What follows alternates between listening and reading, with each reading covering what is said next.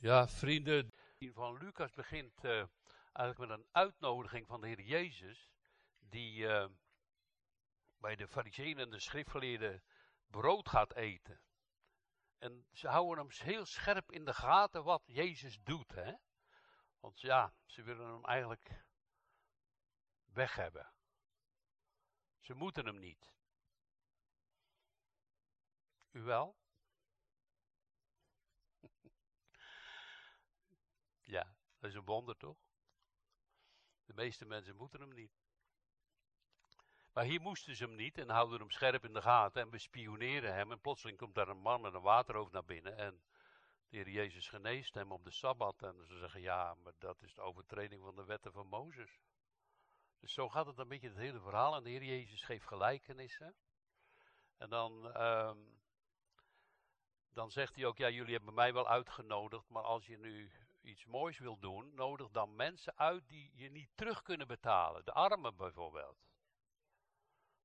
Ja, je nodigt nu vrienden uit en dan worden jullie weer uitgenodigd. En oh, hij, heeft mij toen uitgenodigd en dan nodig ik hem nu weer uit. En zo gaat het een beetje heen en weer.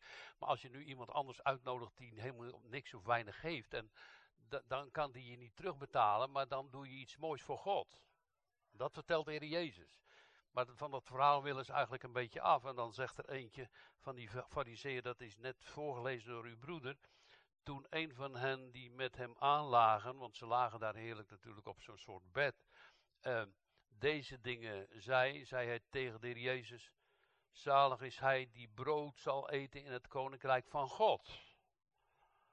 Maar hoe zullen ze dat dan doen, hè? deze mensen, deze fariseeën en de schriftgeleerden? En daarvan uit geeft de Heer Jezus een gelijkenis.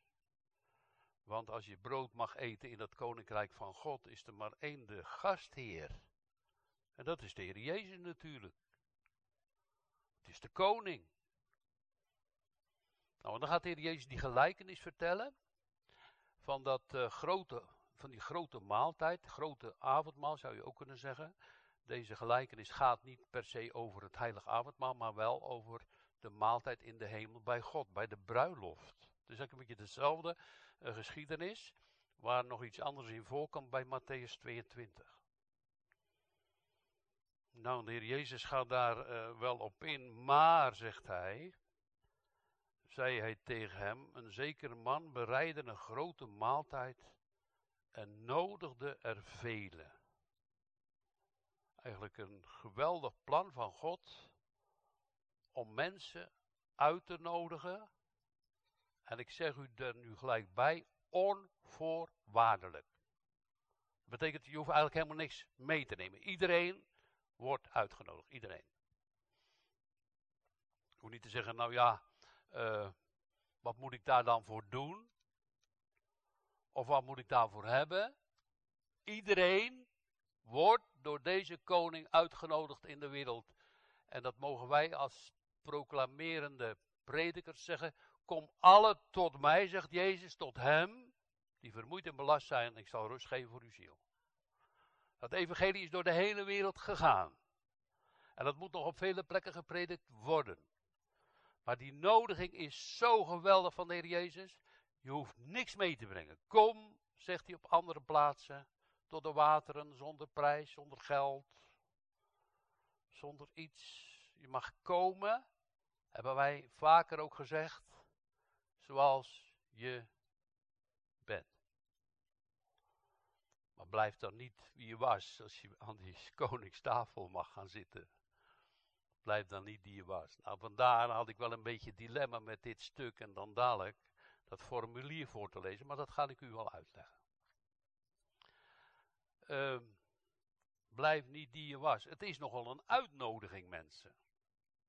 Het is de uitnodiging bij de koning der koningen. Die alle macht gegeven heeft, de Heer Jezus. Die alle macht in de hemel en op de aarde, alle glorie komt hem toe. En daar word je vanmorgen, iedereen ook vanmorgen, maar eigenlijk de hele wereld uitgenodigd, kom alle tot mij. Onvoorwaardelijk. Geen voorwaarden van, nou ja, dan moet je eigenlijk eerst een beetje beter gaan leven of zo. En dat voorbeeld, dat is ook heel mooi van die schilder in Parijs, en dat heb ik misschien wel eens meer gehoord. Maar ik ga het dan toch maar even naar aanleiding van dit stuk vertellen, dat, dat daar, zit een schilder en die kijkt uit zijn raam en hij ziet daar een, een, een, zwerver lopen. Ja, die man die zag er eigenlijk niet uit en alles was gescheurd en wilde haarbos en ja, ja, misschien ook een beetje vies. Hij, hij klopt op het raam en roept die man, kom. Hij zegt, ik wil, uh, je krijgt dadelijk goed voor mij betaald, maar ik wil een schilderij van jou maken. Die man die denkt, hé, hey, dat, dat is geweldig toch? Want hij had niet veel geld en, nou. Dus hij denkt, ik ga het eerst maar eens wassen en mijn haar kammen en knippen en nieuwe schoenen en nieuwe kleding gekocht. En de andere dag gaat hij naar de schilder en de schilder zegt, ja, maar, zo had ik het niet bedoeld. Ik wil je schilderen zoals je bent. Zo zegt Jezus, kom zoals je bent. En om eigenlijk goed te zien hoe ik en u ben, dat, uh, daar hebben we de Heilige Geest voor nodig, denk echt. De Heilige Geest laat ons zien wie je bent. Die zal ons overtuigen. Van zonde, gerechtigheid en oordeel, al die dingen die bij ons allemaal niet zo erg in orde zijn. Maar kijk, weet je, de andere kant hiervan is, stel je voor dat je dan toch de gedachte hebt, zit echt wel een beetje in ons bloed, hè? of misschien wel heel veel. Uh, dat je denkt, ja, ik moet dan toch allemaal maar beter worden. Hoe goed moet je dan worden? Dat God zegt, nou is goed genoeg. Hoe goed moet je dan worden? Die, die lat die ligt te hoog, mensen. Dat moeten wij echt leren. Daar wordt mee bedoeld vanuit de Romeinenbrief, dat door de werken der wet geen vlees gerechtvaardigd wordt. Kom zoals je bent. Alle dingen zijn gereed. De bruiloft staat klaar. Stel je voor dat je uitgenodigd wordt, uh, nou, uh, het Koningshuis. Misschien wil je niet, maar sommigen wel heel graag misschien.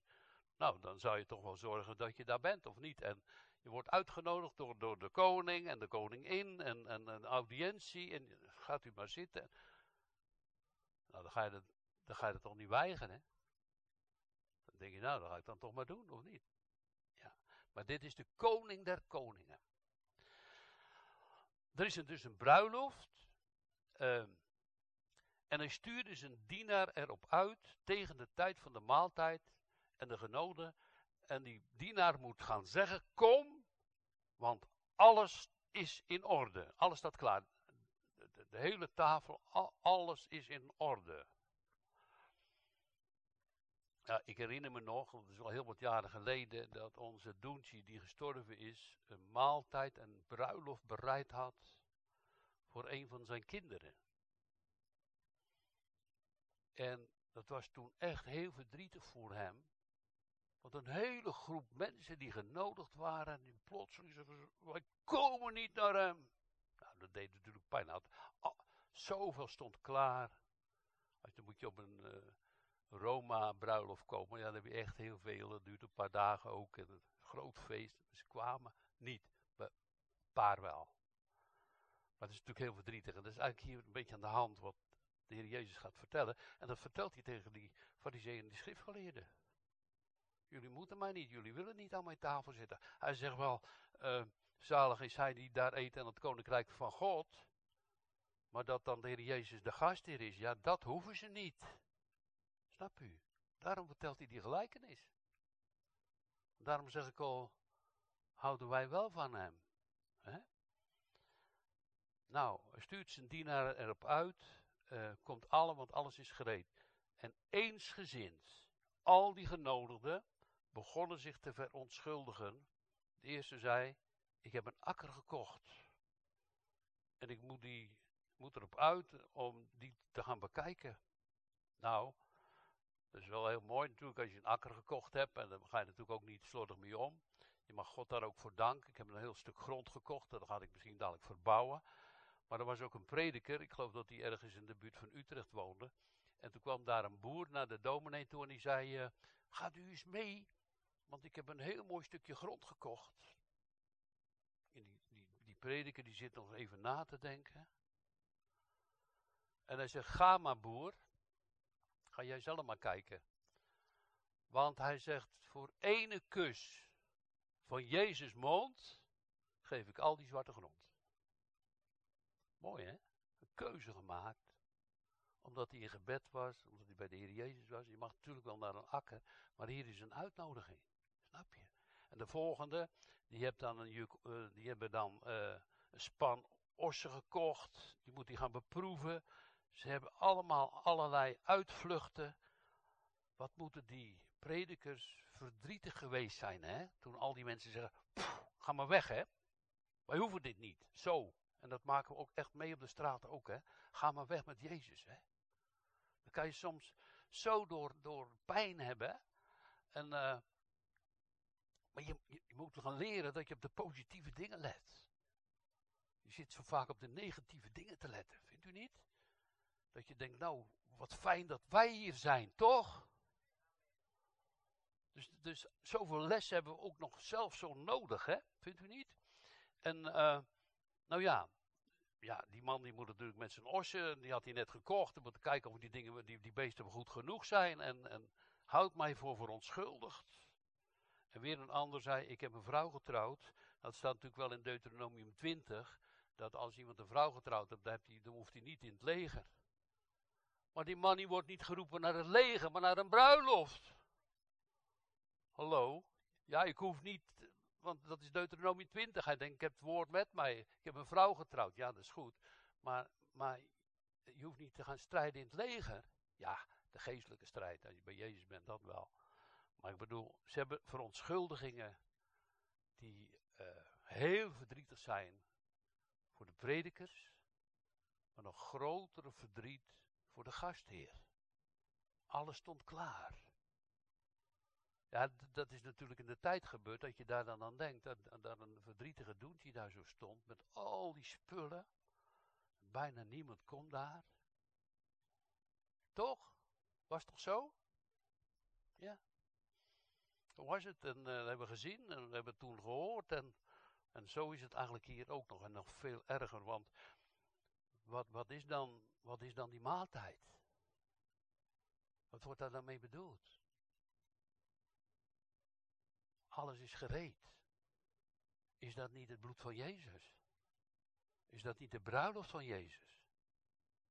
Is dat wat hier bedoeld wordt nou juist niet? Wat dat alles gereed is, dat hij aan het kruis hing voor u en voor jou en voor mij. Het is volbracht. Het is gereed. Je hoeft echt niks mee te nemen. Het is allemaal in orde. Kom maar. Zo. Onvoorwaardelijk. Nou, die. Wat, wat dacht je? Nou, heel veel mensen, dan nog even een paar dingen. Heel veel mensen denken. Oh, ik ben zo slecht, of ik heb zoveel zonde, of dat dat het ergste is wat je kan doen.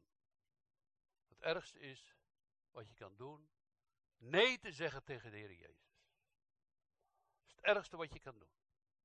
Daarvoor torent de gastheer zich vreselijk over. De vader gaf niet voor niets zijn zoon.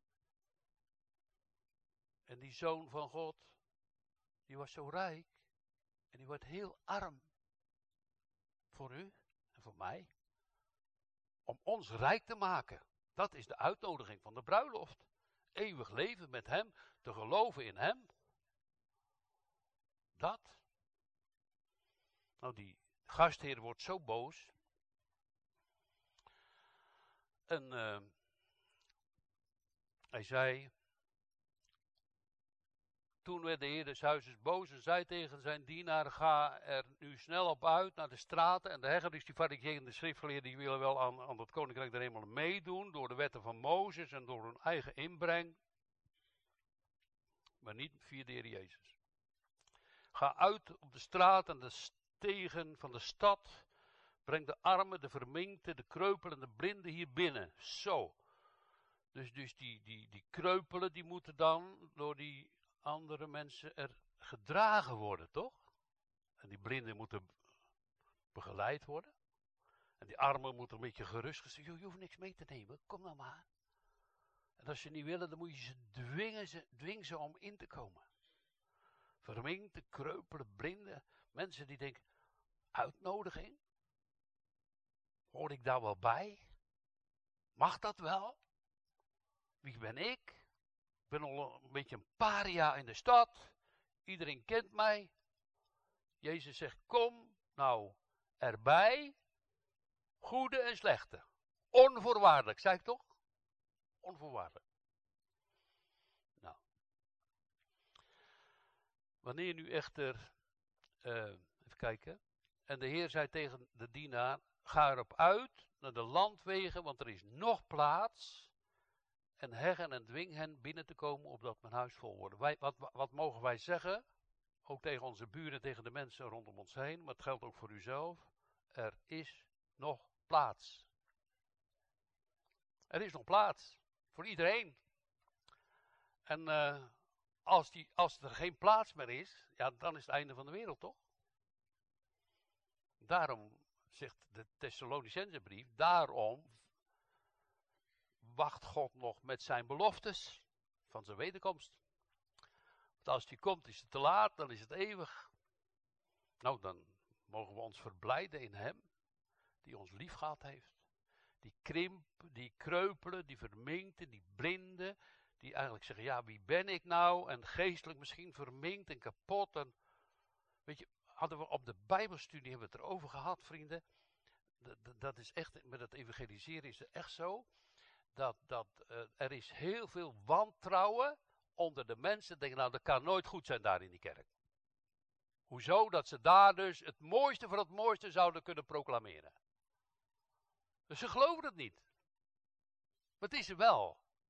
Als je dat gaat zien, door de kracht van de Heilige Geest. Het was, het was dus de geschiedenis van Laban tegenover Jacob. Een groot trouwen tegen elkaar. Toen hebben we het omgedraaid en gezegd, nou, we gaan nadenken over het vertrouwen. En dat hoop je zo, hè? Dat, dat, dat God dat ook geeft door de mensen heen en door de prediking heen en door de goede woorden die u kan geven aan de andere mensen heen.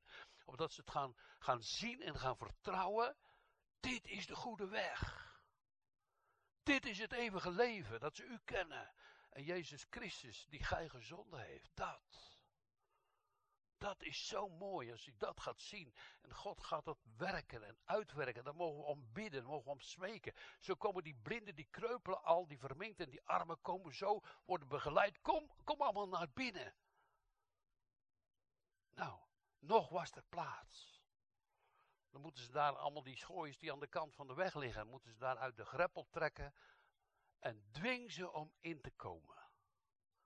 We gaan eens kijken wat er gebeurt. Ze komen dus aan bij die bruiloft. Hoe zou dat nou gaan? Ze komen daar aan bij die bruiloft. Ze worden genodigd. Stappen ze dan zo naar binnen? Nee. Dat is wel het goede antwoord. Nee, want ze krijgen iets. Ja, maar zegt die, die arme. Ja, maar zegt die verminkte. Of misschien die prostituee of wat ook maar. Ik heb geen wit kleed. Maar die krijg je daar. Als je die maal, voordat je de maaltijd naar binnen gaat, worden daar witte klederen uitgedeeld. En dat staat ook echt in de Bijbel, hè, want het staat uh, zo bij de Korinthebrief. En dat zal ik u lezen. Het is misschien wat moeilijk, maar ik, ik kan het u ook wel uitleggen dan. Uh, want ook wij, die in dit lichaam zuchten en het zwaar te verduren hebben, we willen niet ontkleed, maar overkleed worden. Op kosten van de gekruisigde. Geloof in Hem, die voor ons gestorven is. Dus als je nu bij die bruiloftzaal komt, krijg je een wit kleed. En dat is het kleed van de gerechtigheid van Jezus Christus. Dat je mag geloven in Jezus Christus, de Zoon van God. Dan ben je dus gerechtvaardigd. En dan heb je alles is in Hem. Ik heb ook wel mensen gehoord die dachten, nou ja, dan ben ik geroepen en ben gerechtvaardigd, maar nu moet ik mijn eigen toch helemaal heilig maken. En ik kan u wel vertellen, mij is het nooit gelukt. Want hij is ook mijn heiligmaking. Hij doet alles. En daar word ik blij van. Ik hoef het niet te doen. Tuurlijk ga je niet slordig leven. Tuurlijk voel je je eigen pijn. Maar daarom zongen we ook. Al mijn zorgen, al mijn zonden breng ik steeds naar de rivier. Bij Jezus. Is toch? Zo toch? Ja. Nou. Als ik nu met jullie gesproken heb over het onvoorwaardelijke van de nodiging. En zoveel mensen zijn niet gekomen. Maar Jezus zorgt dat zijn huis vol wordt. En zo ging hij over de wereld en door eh, Israël natuurlijk. En hij had met hoeren, tollenaren, zondaren. En die zaten aan zijn tafel. En die konden zo ontvangen, gratis, het eeuwige leven. En werden vernieuwd in hun hart. Dus als wij nu dadelijk dat formulier, dan denk je, hé, hey, nou gaan we een stukje formulier voordat we het heilige avondmaal uh, gaan uh, ontvangen. Gaan we een stukje formulier voorlezen en dan hoor ik toch in één keer wel heel veel voorwaarden. Daar zat ik wel even mee. Dit gaat natuurlijk, deze gelijkenis gaat natuurlijk niet over het avondmaal, maar over de grote maaltijd daar. Maar ik zat er dan toch wel in, ik, ik noem dadelijk dan toch wel bepaalde voorwaarden hoe je avondmaal viert. Maar ik, ik wil dat u uitleggen dat als je dat witte kleed van de gerechtigheid van Christus ontvangen heeft, dan heeft Jezus Christus voor mij de heilige wet vervuld en gehouden en mijn zonde betaald. En dan wil ik niet meer goddeloos leven. En als je naar hem gekomen bent, heb je in hem geloofd. Zijn zeker een van de voorwaarden die genoemd worden om heilig avondmaal te vieren. Want hoe kan je hier gaan staan en avondmaal vieren als je niet in hem gelooft? Snap je? Dus ik zat er wel mee. Je hebt dat witte kleed ontvangen. En daarom gaan wij, omdat dat witte kleed ook betekent dat je door zijn bloed gereinigd wordt, zoals onze ouderling voor de dienst gebeden heeft. En vernieuwd wordt. En dat dat vaak heel vaak tegenvalt bij mij en misschien bij u ook wel. Ga ik maar weer naar de bron des levens. Dan ga ik zeggen, Heer, alstublieft. Ik ben zo'n klein zielig mannetje, help mij. Vervul mij met uw Heilige Geest. Geef mij uw, uw liefde in mijn hart. Dan kan je alles aan.